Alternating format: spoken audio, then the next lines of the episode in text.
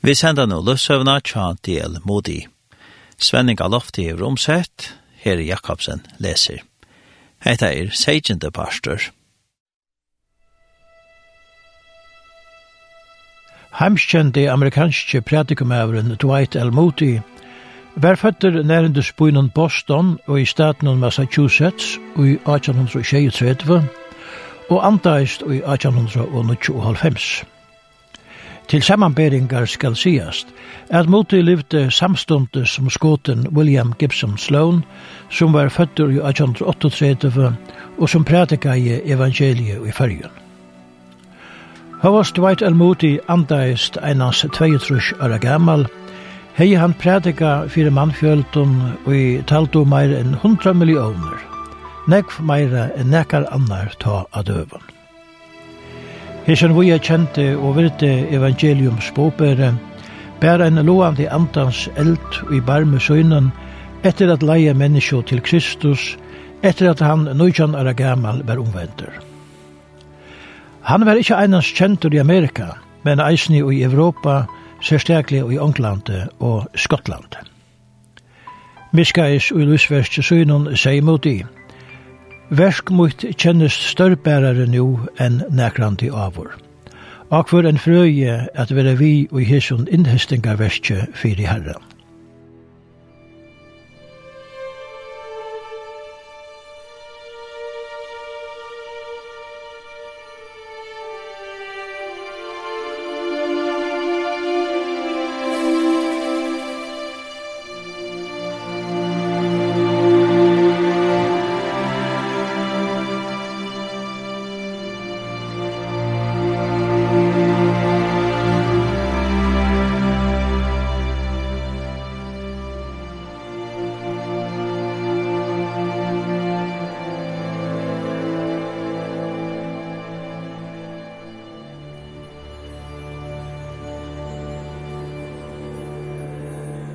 Og i parsten og fremman undan var greit fra at etter at Del Moti og Eira Sanki høyde veri i større byen i Skottland, foret her og en av store høtl i London at heva møte.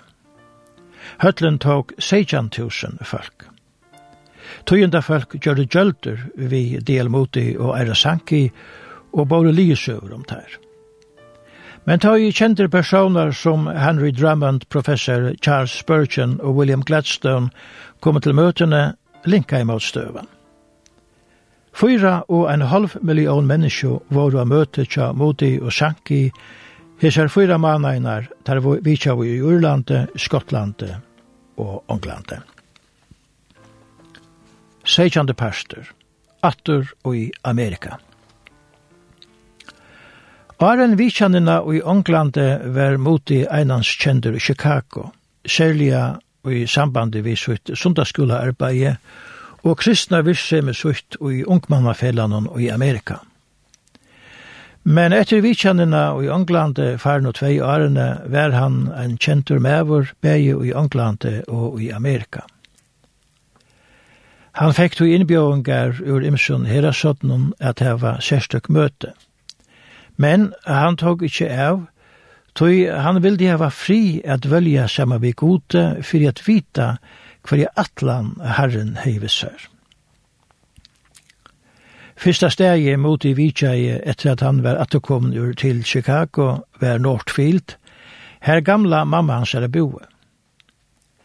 Her var han og i drikva tog og les og i bøyblene. Han kjepte seg æra stitche her og bygde seg hus – Og i fyrsten er atlei han best at vere her en parst av somrunnen, men av tog at han vidtjei så ofte her, fekk han meir og meir alsk til heimbygd søyna.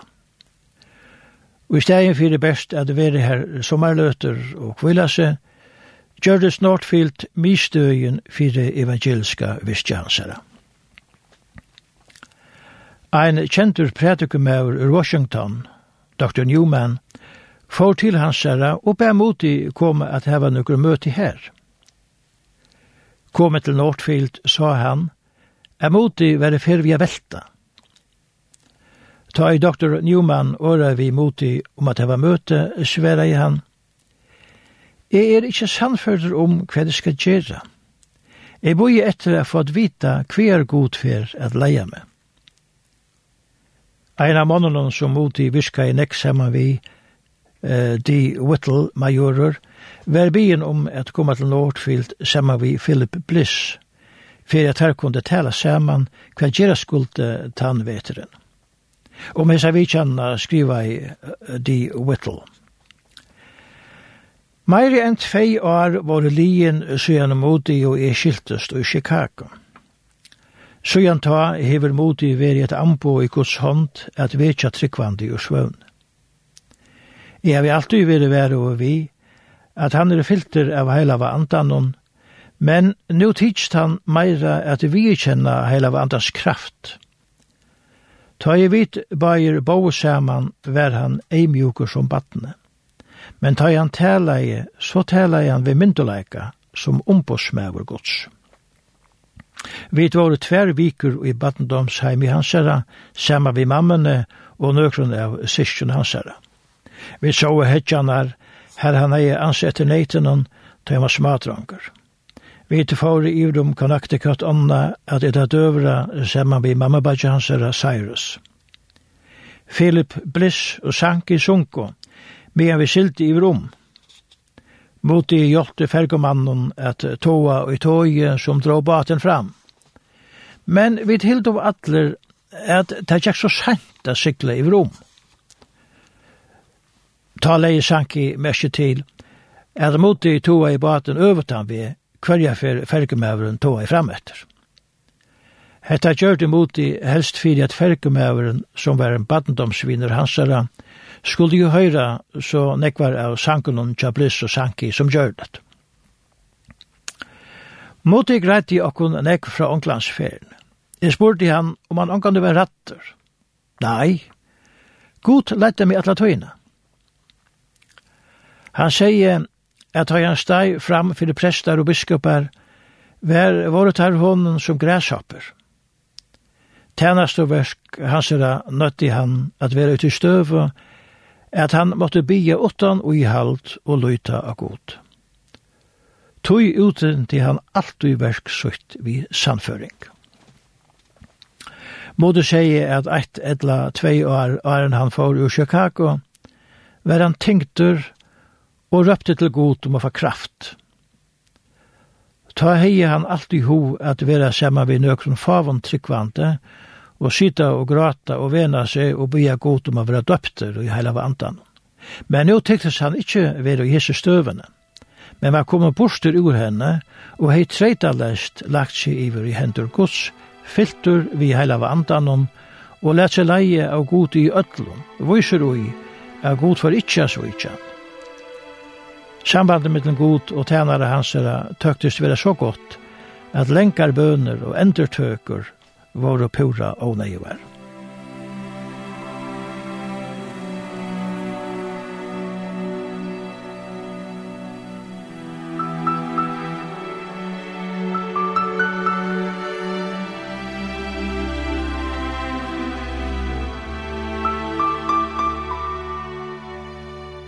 En handelsmæver spurte en affær, Hvordan spør det til at det er så tørrførst å få fæter i månen og i høvens starve, tog det gøyma seg at han fyrir stångt er dyr?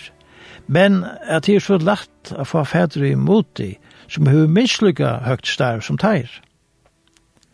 Teir tog at han er en av okkon, vær svær.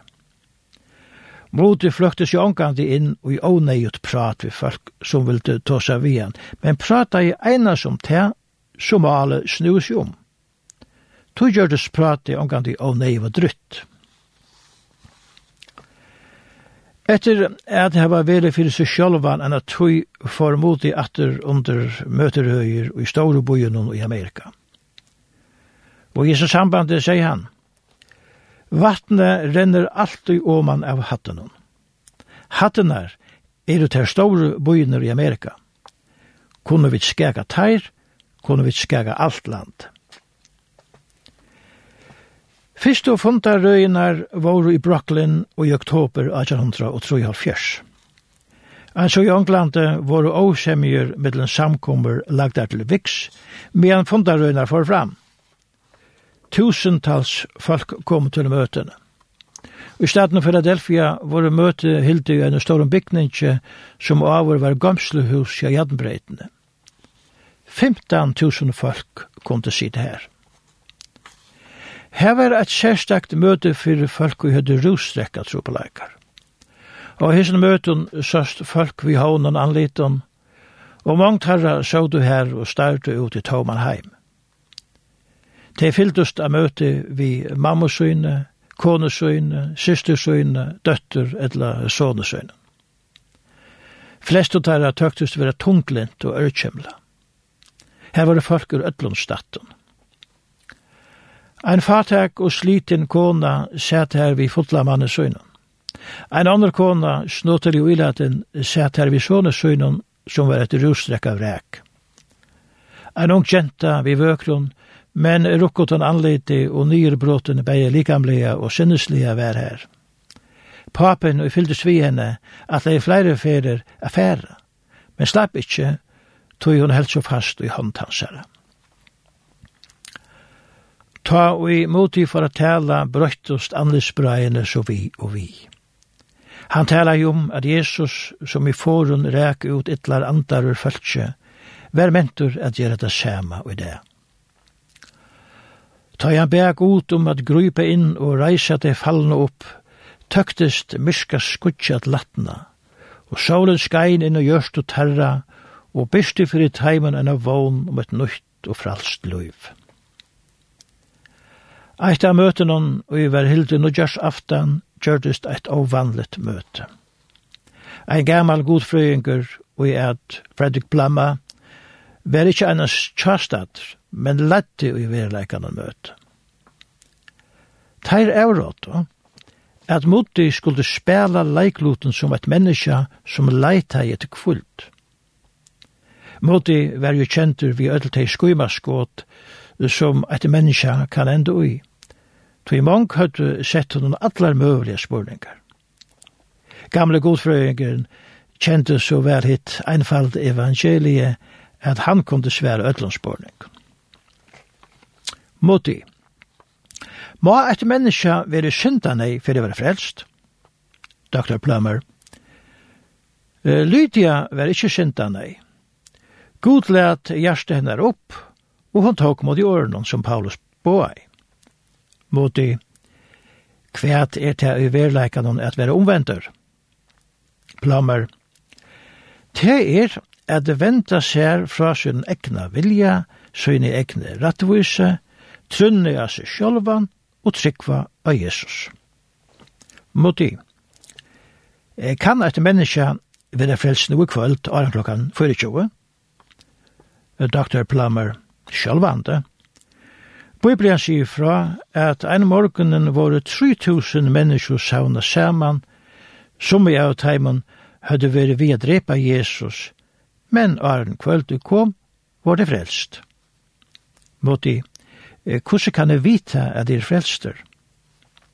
Dr. Plummer, God taler satt.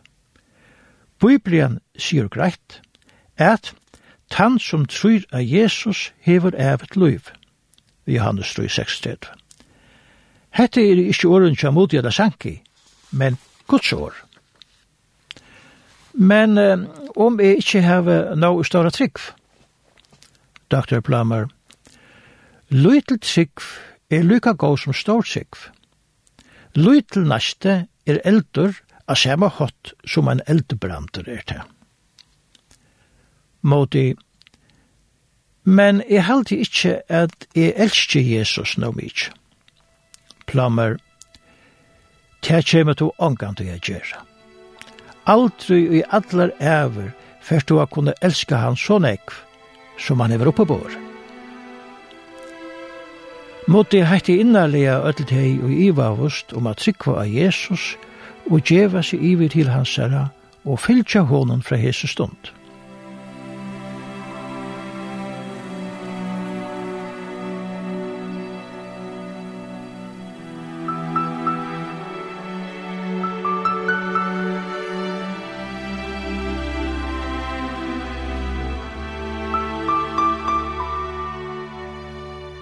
Medan møtene var i Philadelphia var en bølger av lesande ungfolkun kjøstater. Hessi unge følgene var i hodtidgjene av åren. De bjør av moti at komme og tale til lesende vindfolktarra og lærte av høyskolen. Hetta gjørtist årsøkjen til ståra andalige vekking mellom studenter i Amerika og Atlanheimen. Settni om veteren hei moti eina fyrir enn møti i New York Her til leia var eina store rujehøll og i Roma i tusentals folk.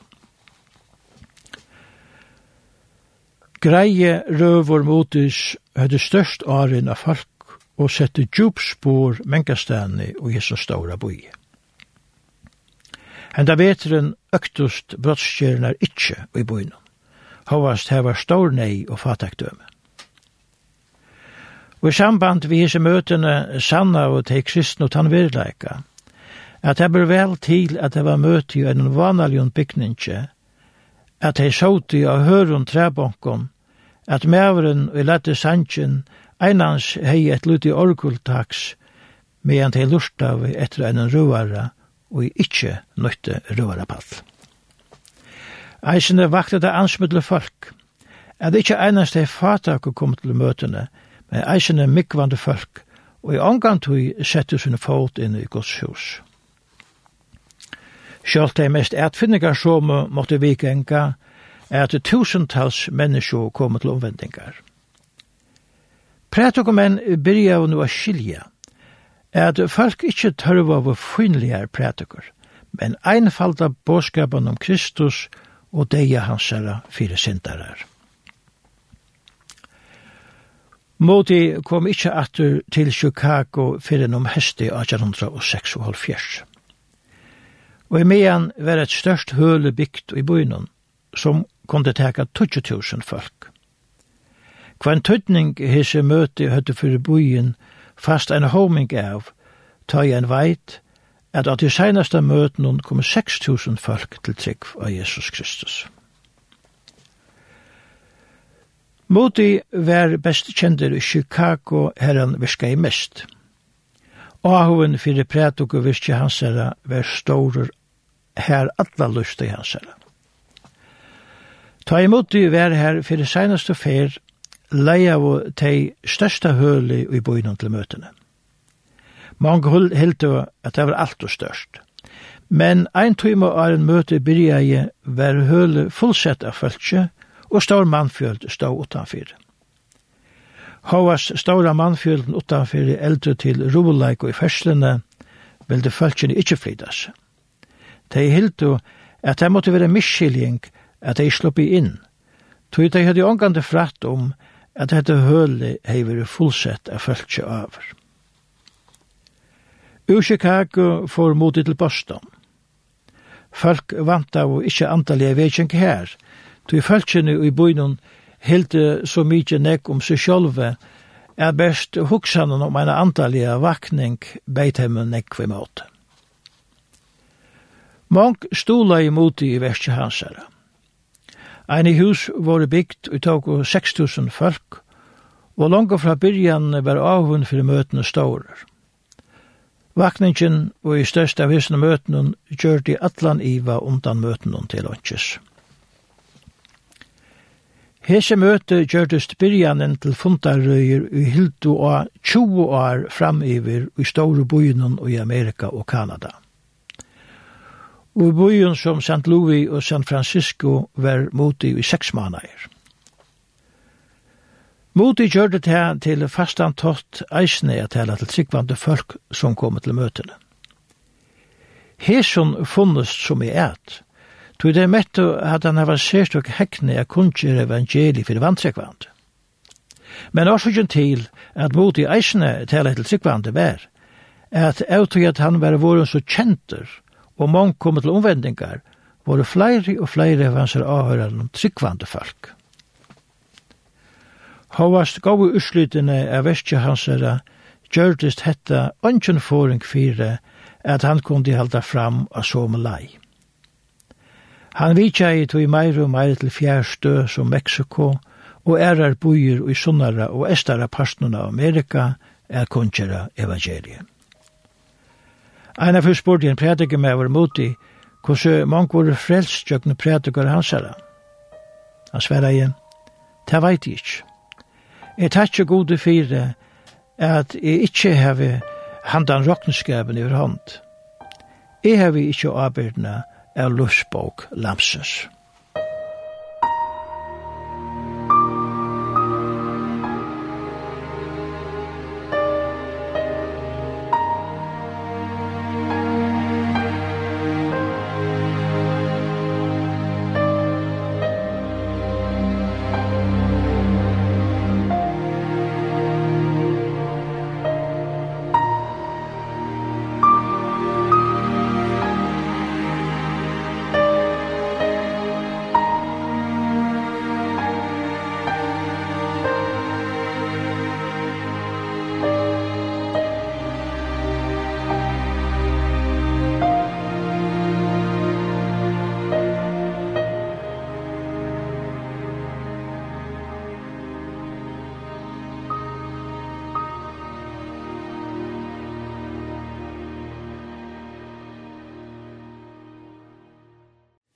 Vi har sendt løvsøvna tja DL Moody, Svenning Lofte hever omsett, Herre Jakobsen les. Hetta var seikjende pastor. Hesen pastor og ære pastor kun høyrast av heimasine linden.fo.